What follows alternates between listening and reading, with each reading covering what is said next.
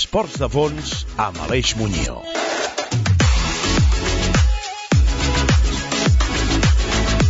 Bon dia, bona tarda, bon migdia, bon vespre o bona nit, sigui quan sigui que ens esteu escoltant, sigui d'on sigui, des d'on i quan ho feu, benvinguts a 13, benvinguts al 13 109, el programa dels esports de fons.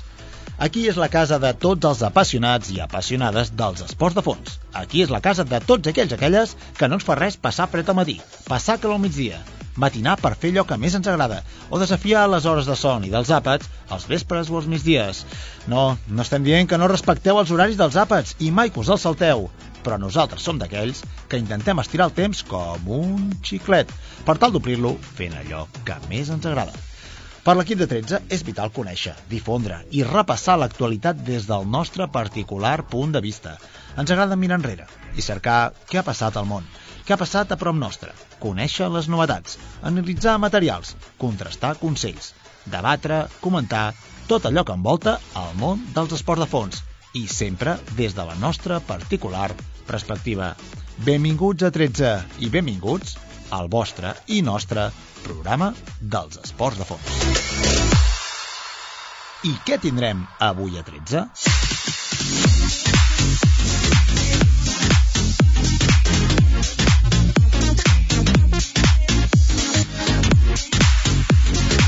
Rock and Roll. Repassem que està notícia al món del ciclisme, al món de l'atletisme i al món del trail running. Parlarem amb la gent d'una associació que busca visibilitzar i treballar vers el tractament de la incontinència, element que el món de l'esport existeix i resulta invisible. Parlarem amb els esportistes i fisios que treballen i conviuen amb aquesta problemàtica i us proposarem que participeu en un repte solidari per recolzar aquesta iniciativa. I avui també amb les següents seccions. Tal 13 farà un any, recordarem el que va passar al món dels esports i al món en general al 2009.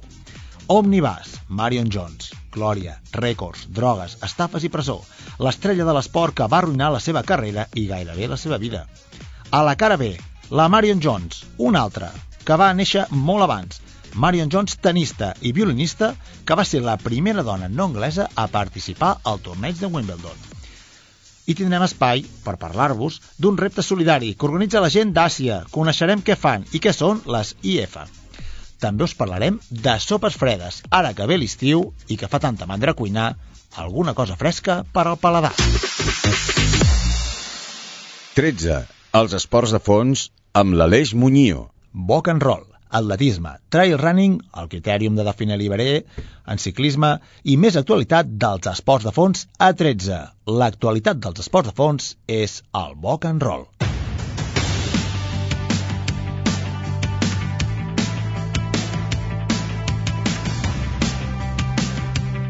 Atletisme i trail running amb Guillem Caldés. Bones, Aleix i oients a 13, ara us porto el millor de la setmana pel que fa a l'atletisme. Aquest dissabte es va celebrar la mitja marató de Granollers. En aquesta cursa hi van assistir nombrosos atletes d'èlit, tant espanyols com internacionals, i va ser una cursa realment increïble. Jo, per la meva banda, vaig estar corrent en qualitat de llebre de la meva germana gran i vaig poder veure en primera persona l'alt nivell dels atletes que van quedar en les primeres posicions. L'organització va fer una gran labor per seguir les normes de seguretat que caracteritzen els temps de pandèmia. Van fer les sortides de forma escalada per permetre que els més de 3.000 inscrits poguessin córrer els 21 quilòmetres de forma segura i a més també van adaptar el circuit. Pel que fa a la categoria masculina, la victòria se la van dur a Yatlam Dassen, que perquè us feu una idea, una idea del seu nivell, és la persona que actualment té el rècord d'Espanya de marató, amb 2 hores 6 minuts 34 segons. La cursa, però, no va ser un camí de roses per a aquest veterà de 39 anys. Javi Guerra, que finalment va ser segon, va fer que s'hagués d'exprimir al màxim fins al punt que a falta de 500 metres, en la darrera pujada de la cursa, l'Amdassen va haver de fer un sprint final que Javi Guerra no va poder aguantar, arribant a meta finalment amb 1 hora 3 minuts 31 segons. Guerra, per la seva banda, va completar la mitja 13 segons després, amb una hora 3.44. El podi el va completar, completar Joseph Benhadi amb una hora 4 minuts 9 segons. Aquest atleta també havia estat en gran part de la cursa enganxat amb el grup capdavanter, però en els darrers quilòmetres es va acabar desenganxant. Finalment, destaca també el paper del mític Reyes Estevez, que als seus 44 anys i havent estat especialista en 1.500 metres distància molt diferent a la mitja marató, va aconseguir un molt meritori 14è lloc amb un temps d'una hora i 9 minuts. En categoria femenina, la carrera va ser també molt interessant. La polonesa Carolina, Carolina Nadolska partia com una de les principals favorites a endur-se el títol, ja que és una atleta amb la mínima olímpica pels Jocs Olímpics de Japó, L'atleta de 39 anys no va defraudar i va imposar un ritme demolador des dels primers compassos de la cursa. Al quilòmetre 5 ja portava més de 30 segons d'avantatge respecte a les seves perseguidores, i aquesta distància no va fer més que anar augmentant, fins al punt que va creuar la meta pràcticament dos minuts abans que la segona classificada, amb un temps d'una hora, 11 minuts i 27 segons. El segon lloc, finalment, va ser per la catalana Meritxell Soler, que tornant de la Garriga va superar la que en aquells moments era la segona classificada, Gemma Barratxina, i ja no va perdre la segona posició fins al final, creuant la meta amb un temps d'una hora 13 minuts 14 segons.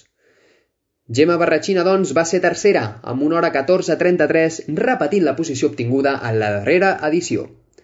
Sens dubte, una gran cursa on tot i el gran nombre de corredors experts no podem deixar per alt el gran esforç dels corredors populars, entre els que es troben membres del Wirran Team, a qui conec i tinc molt apreci, que com sempre demostren que amb esforç i sacrifici es poden fer grans coses.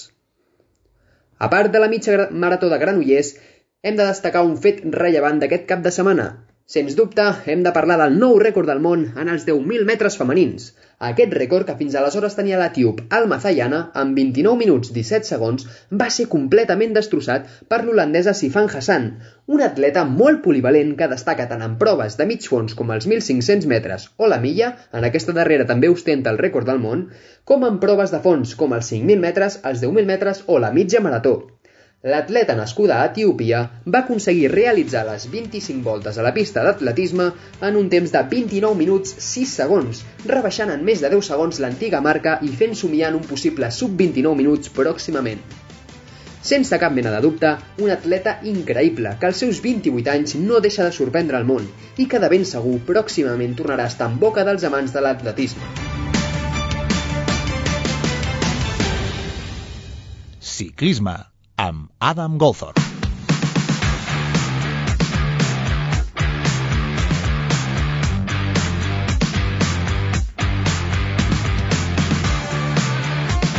Hola, Alex Llorentes de Treci.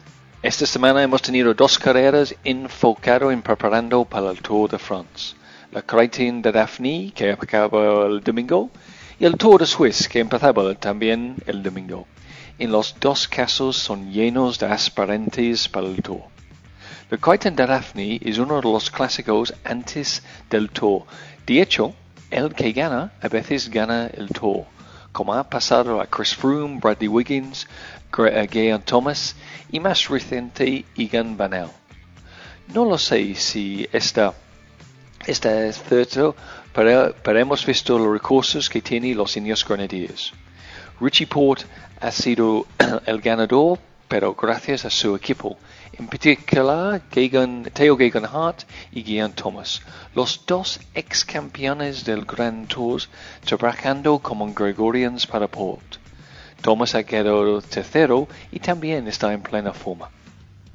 También hemos visto a Alejandro Valverde, el veterano que ganó una etapa con un sprint muy típico de él. Chris Froome intentaba, pero creo este año no va a ser para él. Él tiene que esperar el año que viene. Será bast bastante parecido a Richie Port, que se cayó hace tres años y ahora está en la forma de su, de su vida. Y ahora hablamos del Tour de Suisse. Con dos contralocks está intentando ser como el Tour de France.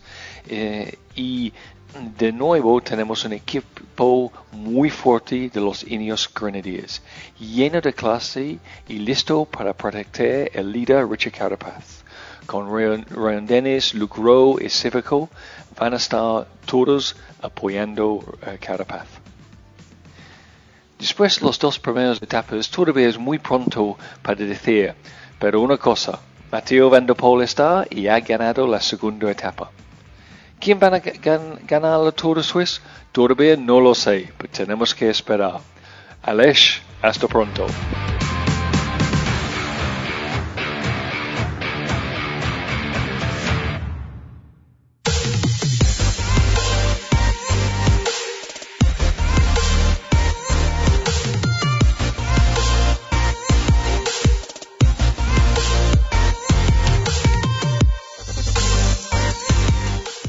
I avui, el 1309, és el moment de fer un especial d'una cursa i d'un repte solidari.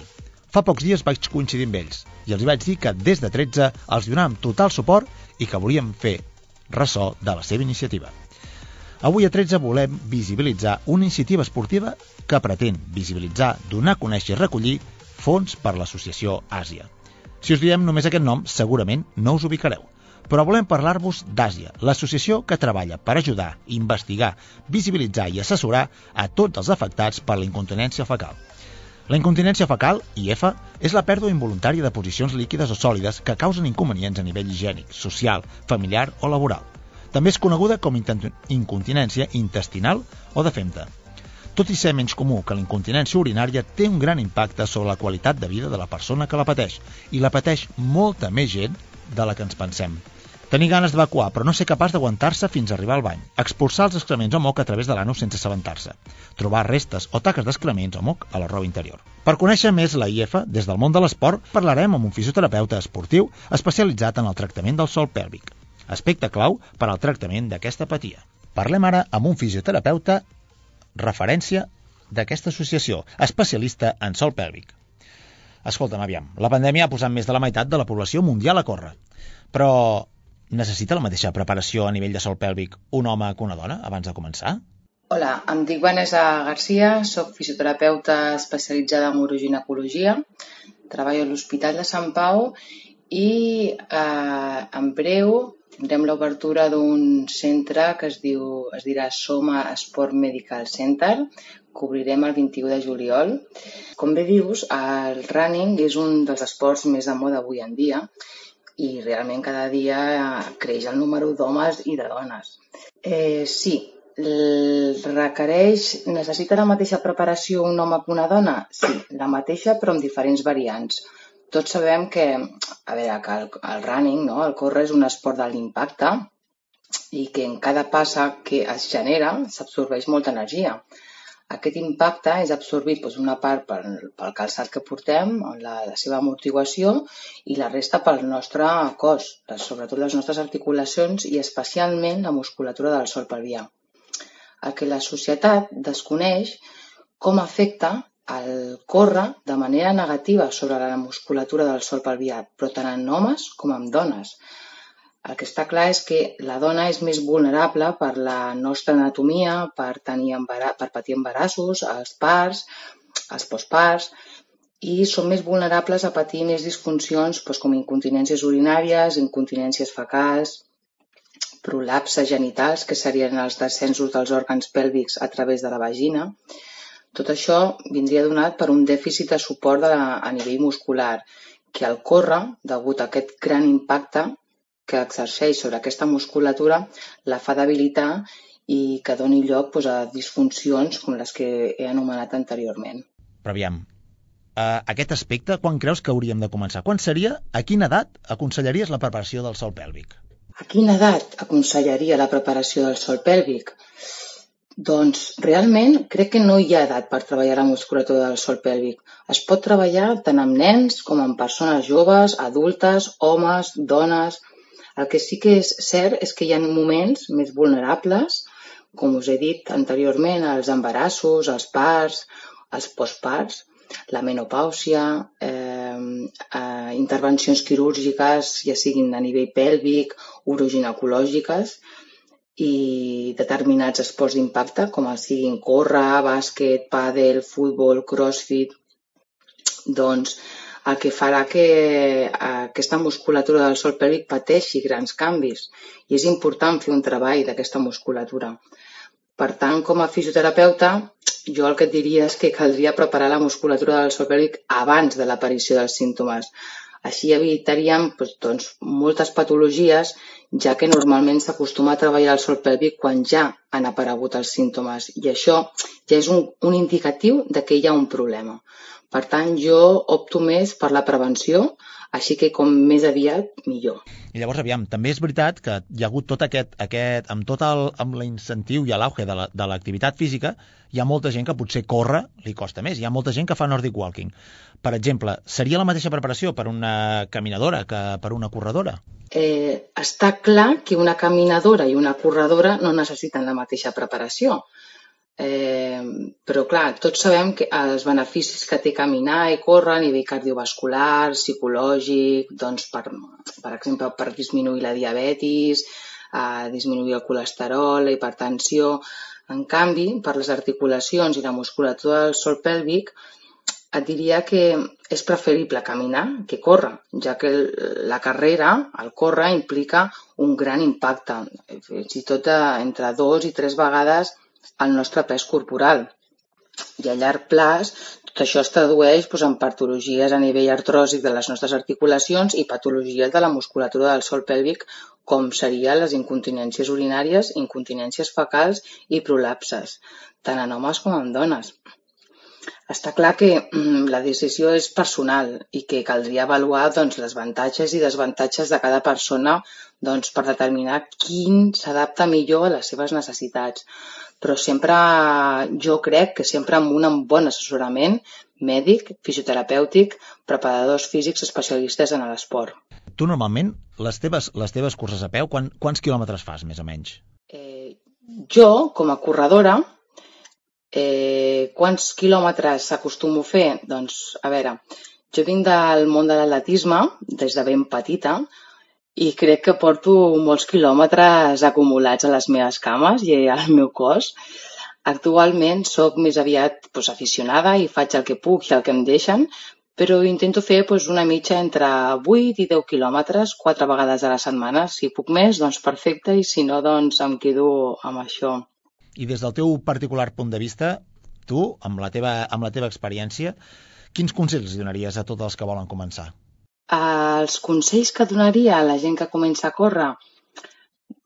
Doncs si són principiants, el que comença... sempre el meu consell és començar a poc a poc. Val? Tots sabem que córrer és, és d'un gran impacte i genera un gran estrès en el nostre cos i requereix doncs, molt bona preparació física per evitar les lesions a llarg plaç.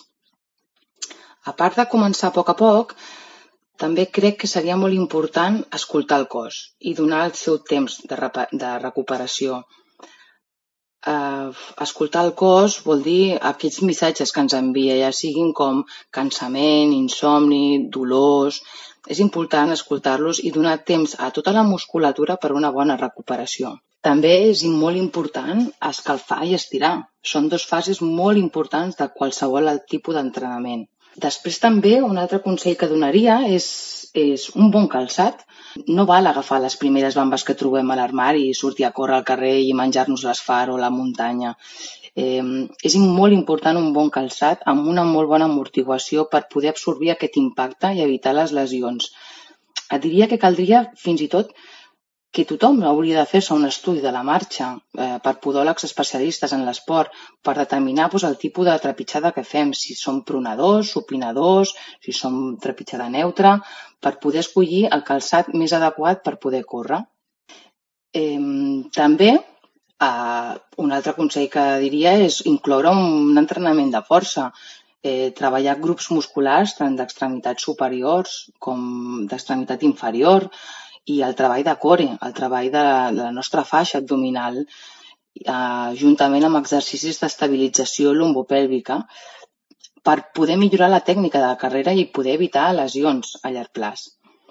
Està clar que com a corredora i com a fisioterapeuta especialitzada en sol pelvià, evidentment no m'oblidaria mai d'incloure exercicis del sol pèlvic eh, importantíssims tant amb dones com amb, home, amb homes, però si és dona corredora encara més. I juntament amb un bon treball de core, d'aquesta faixa abdominal, doncs per poder contrarrestar l'impacte negatiu que té el córrer en la musculatura del sol pelvià. I per tu què creus? Com et, com et trobes més còmode? Què creus que és més aconsellable? Si començar per muntanya, començar per asfalt, terreny mixta, com... Què, què creus que és el millor? Muntanya o asfalt? Està clar que jo em decantaria més cap a la muntanya. eh, són conceptes molt diferents. Córrer per muntanya requereix de més treball de força, obliga pues, a córrer a ritmes una miqueta més lents, implica més treball de, de grups musculars pues, pel tipus de desnivell, perquè, però també requereix de molt bon estat físic. Això sí que és veritat que el córrer per la muntanya implica menys impacte, ja que l'impacte serà una mica més amortiguat doncs, per la, pel, pel terreny i les seves irregularitats, fent que aquest impacte no es repeteixi d'igual manera en el nostre cos. En canvi, l'asfalt és una superfície molt dura i l'impacte sobre les nostres articulacions i, sobretot, incidint en la musculatura del sol, del sol pelvià serà molt més agressiva. Llavors ara el que ens agradaria és que ens expliqués una miqueta més què és el que feu. Bueno, aprofito també pues, doncs, per donar-nos a donar-me a conèixer amb el, un projecte nou que em fa molta il·lusió que el conegueu. És un centre que es diu SOMA, Sport Medical Center, que la seva obertura tindrà el 21 de juliol està format, això sí, per un equipàs multidisciplinar, equipazo, equipazo, val? format doncs, per fisios, osteòpates, metges de l'esport, cardiòlegs, pneumòlegs, ginecòlegs, podòlegs, nutricionistes, preparadors físics, tot un conjunt de professionals que, que eh, la nostra idea és fer possible un bon diagnòstic i un bon tractament. Sobretot a destacar, per la meva part, eh, la unitat d'oroginecologia, eh, esportiva formada per mi, com a fisioterapeuta i ginecòlegs, amb la idea de que la dona eh, no ha de deixar de fer esport, sigui del nivell que sigui. Val? Llavors, la nostra idea és preparar aquella dona tant en el prepart, postpart i durant l'embaràs amb un bon diagnòstic i un bon tractament i poder aconseguir i seguir un bon assessorament juntament amb tot equip, equip multidisciplinar que tenim a, amb nosaltres. Llavors, us deixo el nostre Instagram, arroba clínica soma bcn, val? i ha estat un plaer parlarem amb Maita Carreras, secretària de l'associació Àsia. Quan vaig tenir el primer contacte amb vosaltres em vaig preguntar, dic, ostres, Àsia, qui sou? Àsia és una associació que va néixer l'any 2013 eh, de mans de metges i de pacients que es va crear perquè principalment la incontinència fecal era una, és una incontinència molt desconeguda per molts, incloent eh, metges. Llavors els pacients que la passen eh, estaven molt deixats de la mà de Déu i principalment nosaltres nosaltres ho havíem passat molt i molt malament abans no vam arribar a, a una solució. Per això Àsia ens preocupem pels pacients. I l'objectiu d'Àsia quin, quin seria el d'aquesta associació? La missió d'Àsia és l'acompanyament principalment dels pacients perquè el pacient que ho té se sent molt i molt sol. A més a més es pensa que no hi ha ningú més que tingui aquesta patologia i eh, n'hi ha moltíssim, hi ha molta gent, molta, més de la que us penseu. Vam sortir fa un temps a un programa de la tele per un vídeo que es va fer que era horrorós, que el vam denunciar i a raó d'aquesta sortida de la tele ens van trucar molts i molts pacients que no estan tractats i estan a casa seva.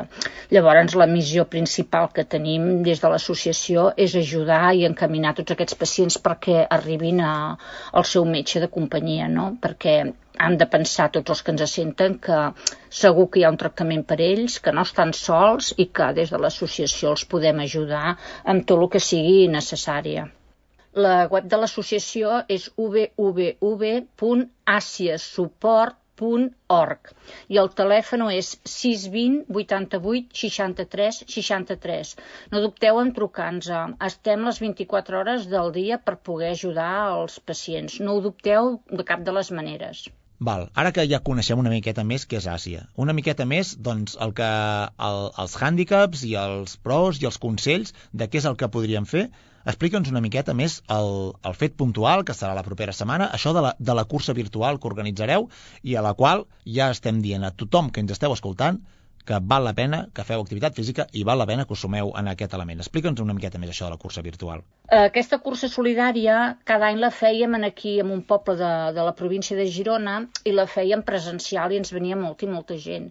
Passa que l'any passat ja no es va poder fer i aquest any pues, per tot el del Covid pues, tampoc i vam decidir al final fer-la online i bueno, la gent es pot inscriure, són 5 euros només, i es pot baixar el dorsal, i llavors quan estan inscrits, durant la setmana del 21 al 26, que és la Setmana Mundial de la Incontinència, doncs poden anar penjant les fotos amb el hashtag Deja d'escapar 2021, i aquestes fotos, que ens aniran arribant a nosaltres, a la foto més simpàtica o més original, doncs entraran en un sorteig, el primer de 300 euros, el segon de 200 i el tercer de 100. El diumenge farem el sorteig i esperem que s'apunti molt i molta gent perquè ens farà molta il·lusió i a més a més així eh, corrent o caminant ajudem els pacients a donar veu a la incontinència. Val, doncs ara, ara el que ens quedaria és bàsicament poder-li dir a tothom, a tots i totes, com hem de fer-ho per inscriure'ns. Aviam, digue'ns-ho, va. Fes-ho, expliquem-ho com per nens petits, per gomet verd. Vinga, explica'ns-ho. La... Per apuntar-te a la cursa o entres en la nostra pàgina web www.asiasupport.org o pots entrar a www.curses.cat deja d'escapar i aquí també es poden inscriure. Repeteixo, són 5 euros i és una manera molt maca de poder-nos ajudar.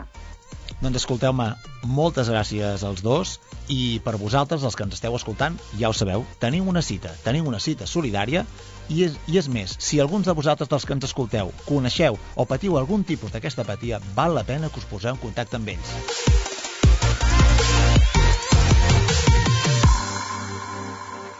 Entrenament, psicologia, competició, recuperació, nutrició... Tots els professionals dels esports de fons tenen cita a 13. Esports de fons.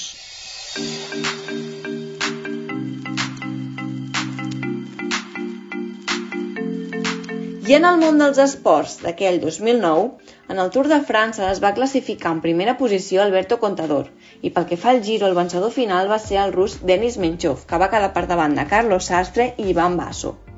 D'altra banda, pel que fa a la Vuelta, va quedar en primera posició Alejandro Valverde, Seguidament, el Campionat del Món de Ciclisme en ruta, en la categoria masculina, va quedar en primera posició Cadel Evans i en la categoria femenina Tatiana Guderzo, que per cert es va disputar del 23 al 27 de setembre a Suïssa. Pel que fa al Campionat del Món de Triatló, en la categoria femenina va quedar en primera posició Emma Moffat i en la categoria masculina va quedar en primera posició Alistair Brownlee. Finalment, pel que fa al campionat de ciclocross, en la categoria masculina va quedar en primera posició Neils Albert i en la categoria femenina Mariem Bosch. I a la resta del món d'aquell 2009, el 3 de gener les forces armades d'Israel van envair la franja de Gaza. L'11 de gener va haver-hi un naufragi d'un vaixell amb 260 passatgers a prop d'Indonèsia. El 20 de gener, va iniciar-se el mandat de Barack Obama, 44è president dels Estats Units. A l'11 de març, a Alemanya, va morir abatut per la policia un jove de 17 anys després de matar a trets 13 companys a l'escola i atropellar dos vianants amb un cotxe. L'1 d'abril, Albània i Croàcia es van unir a l'OTAN. I el 22 d'abril, el brot de la grip A va causar els primers contagis a Mèxic i alguns d'ells van ser mortals. El 22 de maig, el Banco Santander va vendre el Banco de Venezuela al govern veneçolà per 750 milions d'euros. I a l'1 de juny va morir els 228 passatgers del vol 447 d'Air France en estavellar-se a l'oceà Atlàntic durant la ruta de Rio de Janeiro cap a París. I el 25 de juny va morir Michael Jackson. Més endavant, el 19 d'agost, una cadena, va haver-hi una cadena d'atemptats a Bagdad, que va causar 100 morts i 563 ferits. I el desembre d'aquell any van haver-hi eleccions presidencials i parlamentàries a Xile. El 17 de desembre, el Tribunal Suprem d'Espanya va acceptar la primera, per primera vegada a la història un recurs exclusivament en català.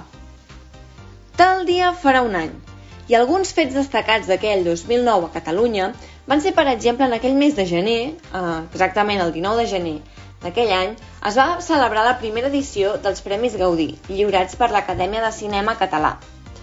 El 21 de gener, dos joves van ser multats amb 1.440 euros cadascun per despenjar la bandera espanyola del castell de Montjuïc, a Barcelona. I el 24 de gener, un temporal de vent va causar incendis i nombroses destrosses, també 8 morts a Catalunya i al País Valencià.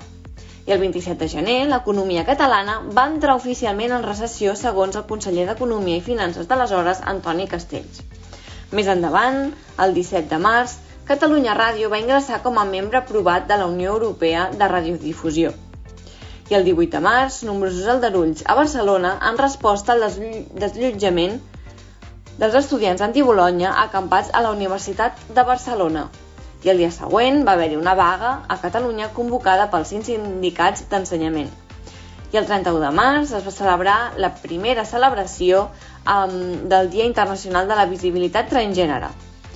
El 2 de maig, a l'estadi Santiago Bernabéu, a Madrid, el Futbol Club Barcelona, dirigit per, per Pep Guardiola aleshores, va guanyar 2 a 6 al Real Madrid, entrenat per Juan de Ramos. I el 12 de maig, el govern espanyol va sancionar la central nuclear d'Escó amb 15,4 milions d'euros per les fuites del 2007 i 2008. I el 10 de juliol, el Parlament de Catalunya va aprovar la llei coneguda com la Llei d'Educació que blinda la immersió lingüística. I finalment, el 13 de desembre, va entrar en funcionament a Santa Coloma de Gramenet el primer tram de la línia 9 del metro de Barcelona, la primera línia de metro totalment autonòmica de la xarxa i de la península ibèrica. Trail running, ciclisme de muntanya, triatló, ciclisme en ruta, running, esquí de muntanya. Els esports de fons a 13 esports de fons. A la cara B d'avui volem parlar-vos d'una altra Marion Jones, una Marion Jones que va néixer 100 anys abans que la Marion Jones que heu sentit. Ens trobem a la cara B, la secció on parlem de grans professionals que també han sigut grans esportistes, grans apassionats dels esports de fons. Marion Jones va ser una violinista virtuosa, virtuosa dels esports, que va triomfar precisament en el món del tennis. En una època on l'heteropatriarcat era encara més ferm que actual, Marion Jones va ser la primera dona no britànica a participar al torneig de Wimbledon. Avui, a la cara B, coneixem una altra Marion Jones. Marion Jones Farmer va ser una de les grans pioneres del tennis nord-americà. Vencedora dels campionats internacionals dels Estats Units el 1899 i 1902. Va ser la primera americana a guanyar una medalla olímpica, aconseguir el bronze en els Jocs de París el 1900, tant en individual com en els mixtes, al costat de Lawrence Doherty. També va ser la primera tenista no britànica a participar a Wimbledon. Seva vida va ser intensa i apassionant, dins i fora de les pistes. John Percival Jones, pare de Marion, va néixer el 27 de gener de 1829 a Herefordshire, Anglaterra. I si no ho he pronunciat bé, segur que s'hi sembla. Marion era la tercera de quatre germans. Al 1831, i a la recerca de la prosperitat, els pares de Marion van emigrar als Estats Units i van fixar la seva residència a Cleveland, Ohio. Van comprar una propietat i van afermar l'economia familiar amb negocis relacionats amb el marbre. El pare de Marion Jones va emigrar d'Anglaterra als Estats Units a la recerca de prosperitat. John tenia 20 anys quan la febre de l'or va esclatar a Califòrnia. Va decidir provar fortuna. Es va, es va instal·lar al comtat de Trinity, on a més de miner i ramader va ser xèrif i senador de l'estat des de 1863 a 1867. El 1868 va mudar la seva residència a Gold Hill, Nevada, després d'una oferta per dirigir les mines de plata de Crown Point, filó que va acabar comprant al costat del Vince Hayward, un dels grans magnats de la mineria. El 1873, John va ser triat senador per Nevada i un any després va invertir en les mines de plata de Paramount. Amb la fortuna pastada va visitar Los Angeles i va comprar el 1874 un ranxo a la zona de Santa Mònica va finançar amb la companyia Los Angeles and Independence Railroad l'arribada del ferrocarril fins a la zona. Aquest home no parà de prosperar. Va aixecar un hotel al 1880 i va fundar la ciutat, i anys més tard va construir Miramar, seva espectacular residència convertida en els nostres dies en un resort de gran luxe. I tota aquesta perspectiva familiar és perquè veieu que la Marion Jones va néixer una miqueta amb el pa sota el braç però perquè algú en generacions anteriors s'ho havia currat bastant. Marion Jones va néixer el 2 de novembre de 1879, a Gold Hill, fruit del segon matrimoni de John Percival. Hannah Cornelia Grithouse, primera dona de Jones, va morir el 1871 i John Percival va contraure segones núpcies amb Georgina Frances Sullivan el 1875, en el que va ser tot un esdeveniment social. Georgina es va ocupar personalment d'educar amb cura a Marion i les seves germanes Alice i Georgina. Sullivan s'havia educat a Europa, parlava cinc idiomes, va treballar al Senat, va ser una líder social a Washington i va rebre una condecoració del govern francès per assistir a l'orfanato de l'Armada durant la guerra. Va inculcar a Marion els valors de la pràctica esportiva com una cosa essencial en la seva formació i va omplir la seva vida de música, sí, d'educació musical. A més del tennis, Marion jugava al críquet. Era una gran amazona, que vol dir que anava amb cavall, bona nedadora i excel·lent en el bridge el piano, especialment el violí, de què era una virtuosa, i el banjo eren els seus instruments musicals preferits. De fet, Marion va aprendre a jugar al tennis per intuïció. No va tenir entrenador i practicava amb la raqueta de manera absolutament recreativa. Per ell el tennis era un passatemps, i així, doncs, no hi competia pas va ser el 1898, durant un viatge de la família a Filadèlfia, que es va apuntar per curiositat als campionats internacionals dels Estats Units que es disputaven en el Philadelphia Cricket Club. Marion no va tenir entrenador i va aprendre a jugar a tennis per intuïció. Encara que era tot una estranya per als seus rivals, el seu joc consistent, sempre des del fons de la pista, però amb trets profuns i creuats, va causar sensació. Marion va derrotar en el seu debut a Helen Wiggins, una de les millors tenistes de Filadèlfia, per 6-1 i 3 Als quarts de final es va imposar a Caldin Atkinson per 6-4 i 6-3 i a les semifinals li van dosar un doble 6-0 a, Carly, a Carrie Neely. A l'alt corners final, partit decisiu que donava accés a la Challenge Round, Marion es va imposar a Helen Cram, germana d'un dels pioners del golf americà per 6-4, 5-7 i 6-4 campiona del torneig el 1895 i el 1897 i finalista el 1896. Juliet Atkinson va posar la seva corona en joc davant Marion Jones. Amb la pista totalment plena de gent, en un partit que va ser definit per la premsa com una batalla de tennis que va reial, Atkinson va aconseguir defensar i quedar-se en propietat la Wissahickon In Challenge Cup. Atkinson es va imposar per 6-3, 5-7, 6-4, 2-6 i 7-5, però Jones va tenir un 5-3 d'avantatge en el 5 7 i va disposar de 5 pilotes de partit, 3 d'elles amb 5-3. Com hem dit, va ser la primera nord-americana que va participar a Wimbledon. Marion Jones va tornar el 1891 a Philadelphia Cricket Club per disputar el torneig. Juliet Atkinson no va viatjar per defensar el seu títol, així que no hi va haver desafiament de Challenge Round. El domini de Marion va ser incontestable. Va guanyar els seus quatre partits, a Lysett, a Harry Champlin, a Jane Craven i Maud Banks, sense cedir un sol set. Va aixecar el nou trofeu, cedit pel Philadelphia Cricket Club, en què va quedar gravat el seu nom com a campiona internacional dels Estats Units. Les seves convincents actuacions a Filadèlfia li van valer la selecció per part del Comitè Olímpic Nord-Americà per la disputa dels Jocs Olímpics de París del 1900. Aprofitant el viatge a Europa, Marion va disputar primer el torneig de Wimbledon, convertint-se en la primera nord-americana a participar a l'All England Club. Va caure en quarts de final, davant la britànica Ellen Everett. Una setmana després, donava, va començar la competició olímpica de tennis a París. La prova es va disputar a l'illa de Putó, sobre argila vermella. Va perdre en semifinals davant la britànica Charlotte Cooper, futura campiona, però es va convertir en la primera americana a guanyar una medalla de bronze, tot i que en aquelles dates no es lliuraven medalles als vencedors. Va repetir l'endemà un segon bronze en mixtes al costat del gran campió britànic Lawrence Doherty. La llarga estada a Europa va ser el motiu pel qual Marion Jones no va acudir aquell any a Filadèlfia per defensar el seu títol americà. Ja al 1901, Marion Jones sí que va tornar a Filadèlfia per intentar recuperar la seva corona.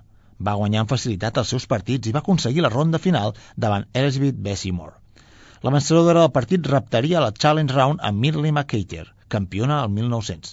Tot apuntava que Jones seria la desafiant, quan Marion va guanyar els dos primers sets per 6-4 i 6-1. Però una brillant reacció de Moore va acabar amb els seus somnis a dominar els tres últims sets, 9-7, 9-7 i 6-3. El maig va ser qualificat per la premsa com el millor partit de tennis femení mai vist a Filadèlfia. Marion va aconseguir finalment el seu segon títol al 1902 va guanyar el torneig sense cedir un sol set, superant a Kerry Nelly per 8-6 i 6-4 a la final, i per 6-0 i 1-0, i abandonament d'Elizabeth Moore al Challenge Round. Marion desconeixia que Moore havia saltat a la pista amb febre alta, després d'una infecció gràstrica, i no va poder convèncer a la USTA per repetir la final un parell de dies després. No volia guanyar el torneig d'aquella manera.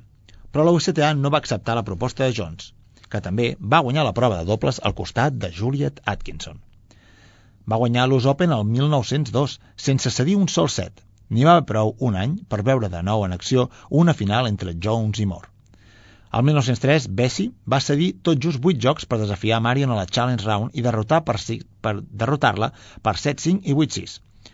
Formant parella amb Carrinelli, Moore també es va imposar Jones a la final de dobles, en el qual Marion formava parella amb Miriam Hall.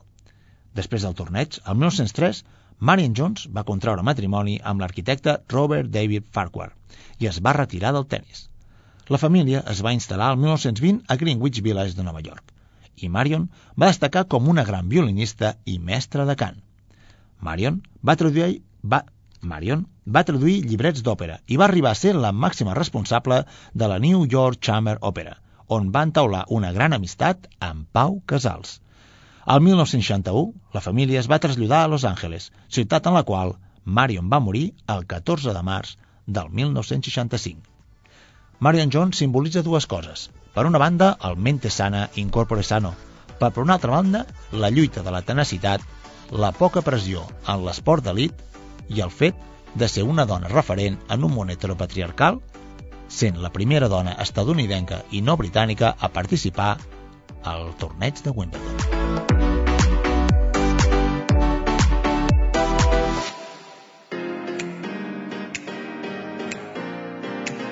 El crac.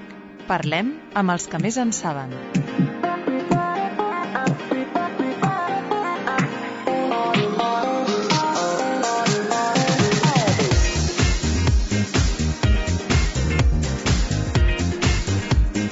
Doncs avui se'ns asseu a la taula l'Isaac, el crac dels fogons, l'Isaac Partera. Isaac, bona tarda. Molt bona tarda, què tal? Escolta'm, amb la teva dèria de poder-nos ajudar, de nodrir-nos bé de coneixement i, i de, perquè la panxa estigui, estigui plena, ens, ens vens i ens dones recursos i així si fa la setmana passada ens explicaves com, com podíem fer per fer-nos sucs refrescants sí. per tal de passar-ho millor aquesta calor, Avui vens per explicar-nos, doncs, potser, o ajudar-nos a lo que seria el sector dinar, sector sopar, amb una cosa molt específica que serien les sopes fresques, sopes d'estiu... Exacte, so sopes fredes, no? Sopes fredes. Sopes fredes. I eh, ja ens has dit que volies deixar clar, que volies estructurar-ho també amb la, amb la dinàmica aquesta de la pauta de, de healthy total i una miqueta pecaminosa.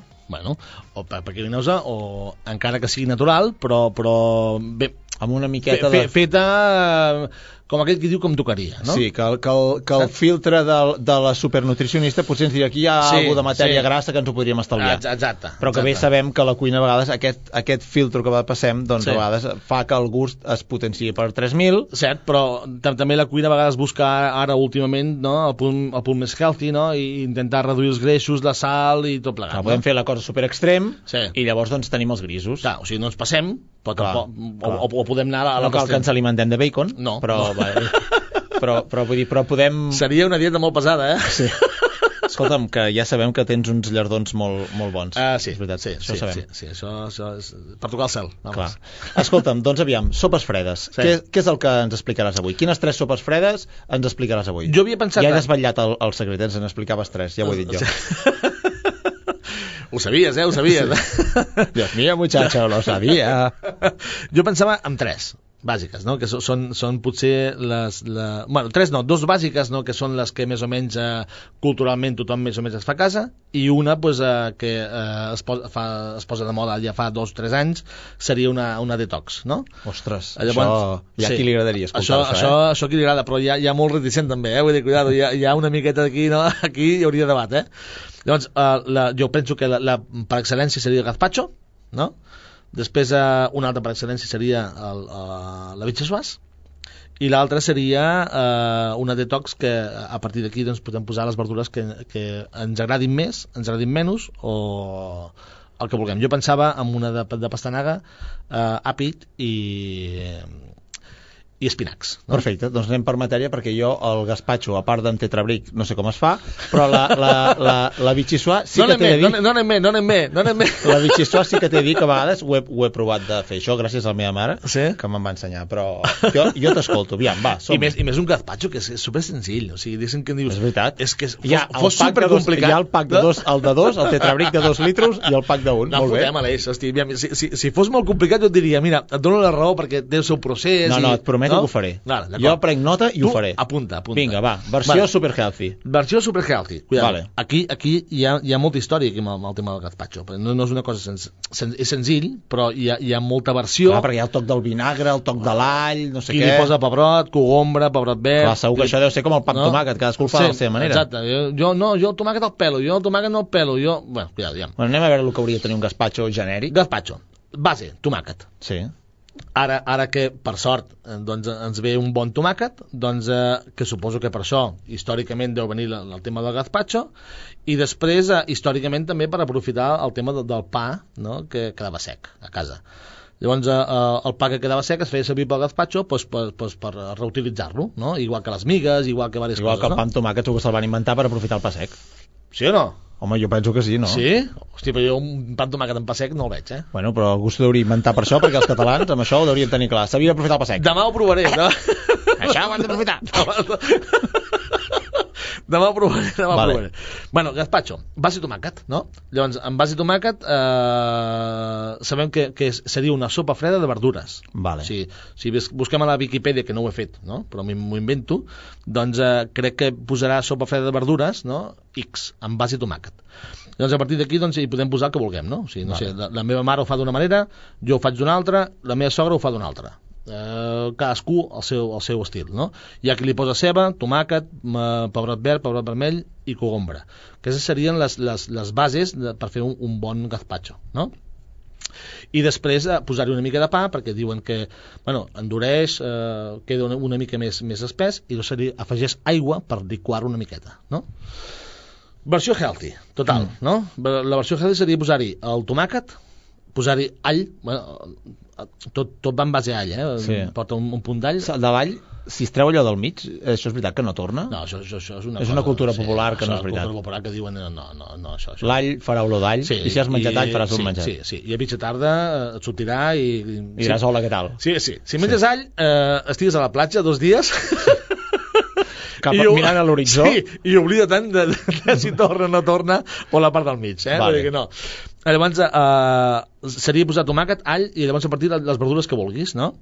Si després eh, eh, eh, el vols fer més healthy, doncs, eh, clar, la proporció d'oli que li vulguis posar la podem reduir. No? Vale. O sigui, diguéssim que ha- has de, ha de posar oli, el tomàquet porta lecitina, i a l'hora de fer el, el, el batut, doncs fa una emulsió, que és el Mhm. que fa que et quedi el gazpacho de color com un color taronja, no? Mhm.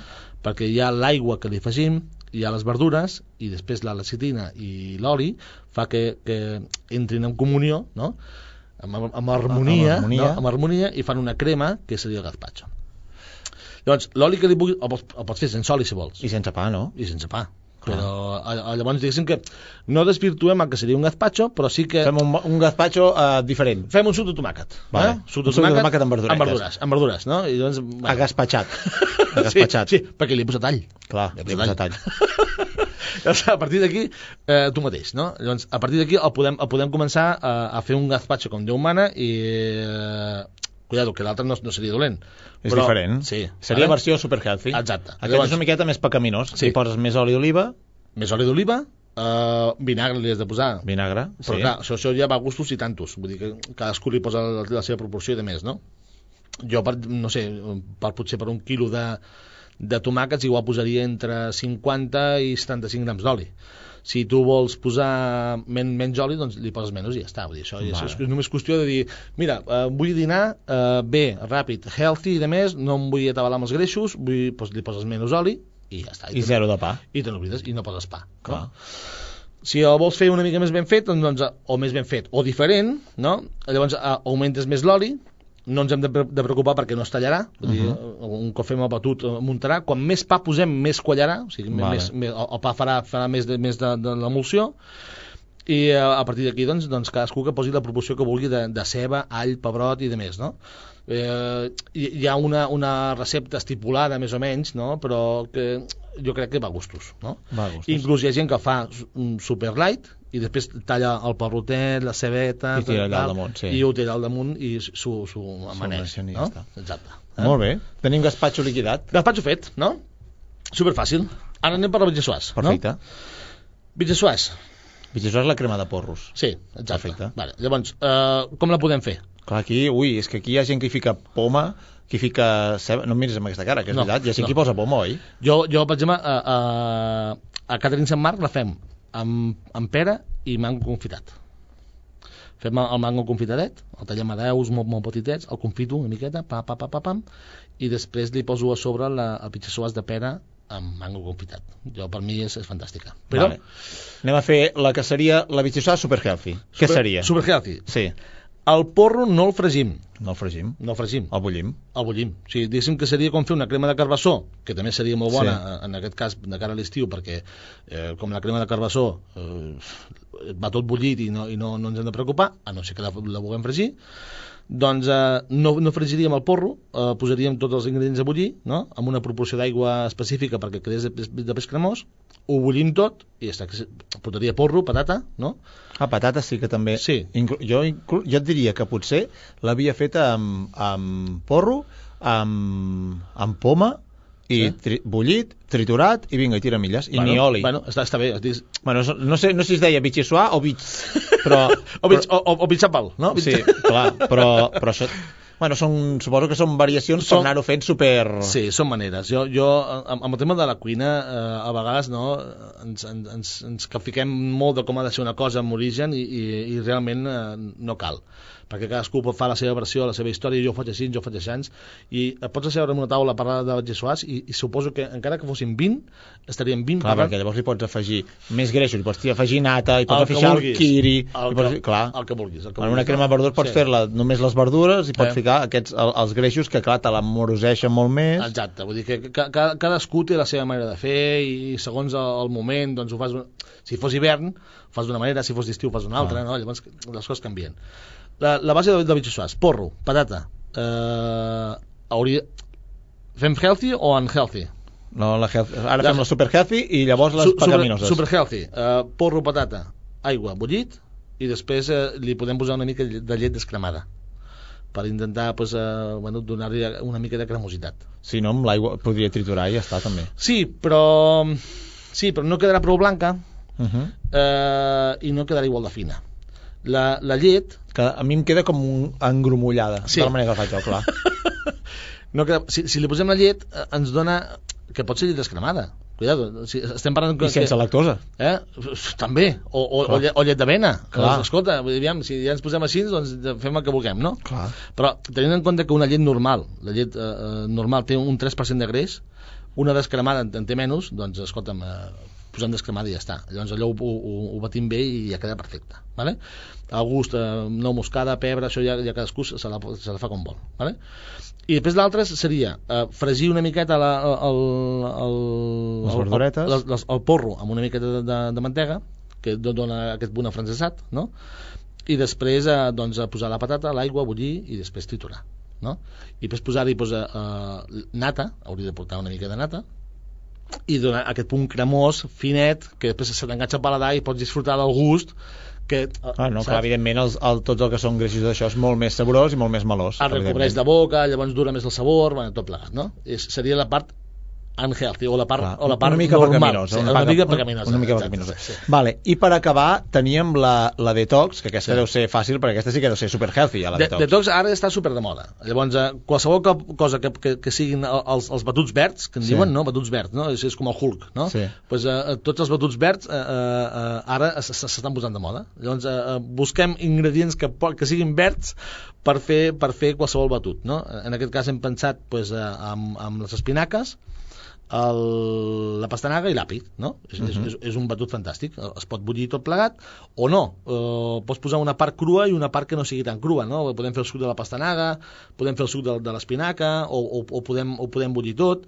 i a partir d'aquí, doncs, el mateix que, que faríem amb el resta, ho batim ben, ben, ben, ben fort, que quedi ben finet, i ja tenim una altra... I a la nevera. Ja està, sí. I vinga. llestes, Sí. Carai. I a partir d'aquí canyeta, o no canyeta, o sopa, o... O canyita brava. Ja està, jo, jo li posaria una mica de pernilet. Clar. Jo. Home, pernil ibèric és molt healthy, eh? Vull dir que, però això ja, això ja va a gustos, eh? Això cadascú... Escolta'm, Isaac, uh, estic convençut que jo faré proves, eh, amb tot això que m'has dit. Vinga, ja va. diré quin gradient de, Sí. hel de healthismo és. Jo, jo, però... vull, jo vull fotos, eh? Escolta'm, uh, moltes, moltes gràcies. A vosaltres.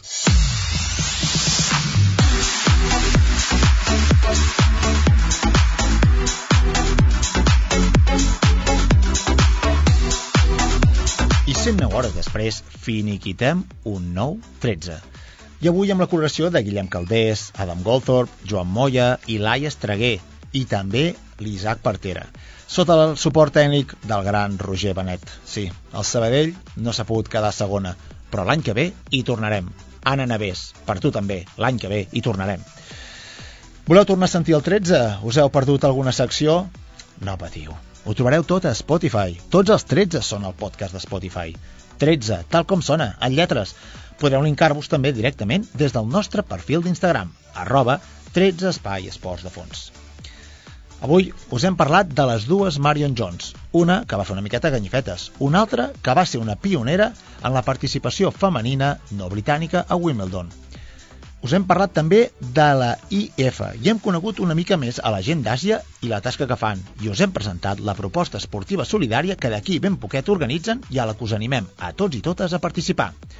Us hem convidat també a que sapigueu com regular la vostra gana preparant sopes i sucs freds, gràcies a l'Isaac Partera. Per acompanyar-vos la resta de la setmana, per fer allò que més us agrada, hem creat la llista de Spotify de 13, 13 BSO, banda sonora oficial. I hem anat afegint totes les cançons del nostre imaginari, totes les cançons amb les que acomiadem el programa. I és l'hora, doncs, d'afegir-hi la que hem escollit entre les que més van patar-ho el 2009. Avui tanquem la paradeta amb When Love Takes Over, When Love Takes Over, de David Guetta, d'en David, el productor musical que tant i tant ens ha fet ballar, un single d'un àlbum ple d'èxits musicals, el One More Love. Quan l'amor se'n va, tal com deia David Guetta, sempre tindrem tota la natura per esperar-nos i oferir-nos el millor, per tal que hi pedalem i correm, que la descobrim.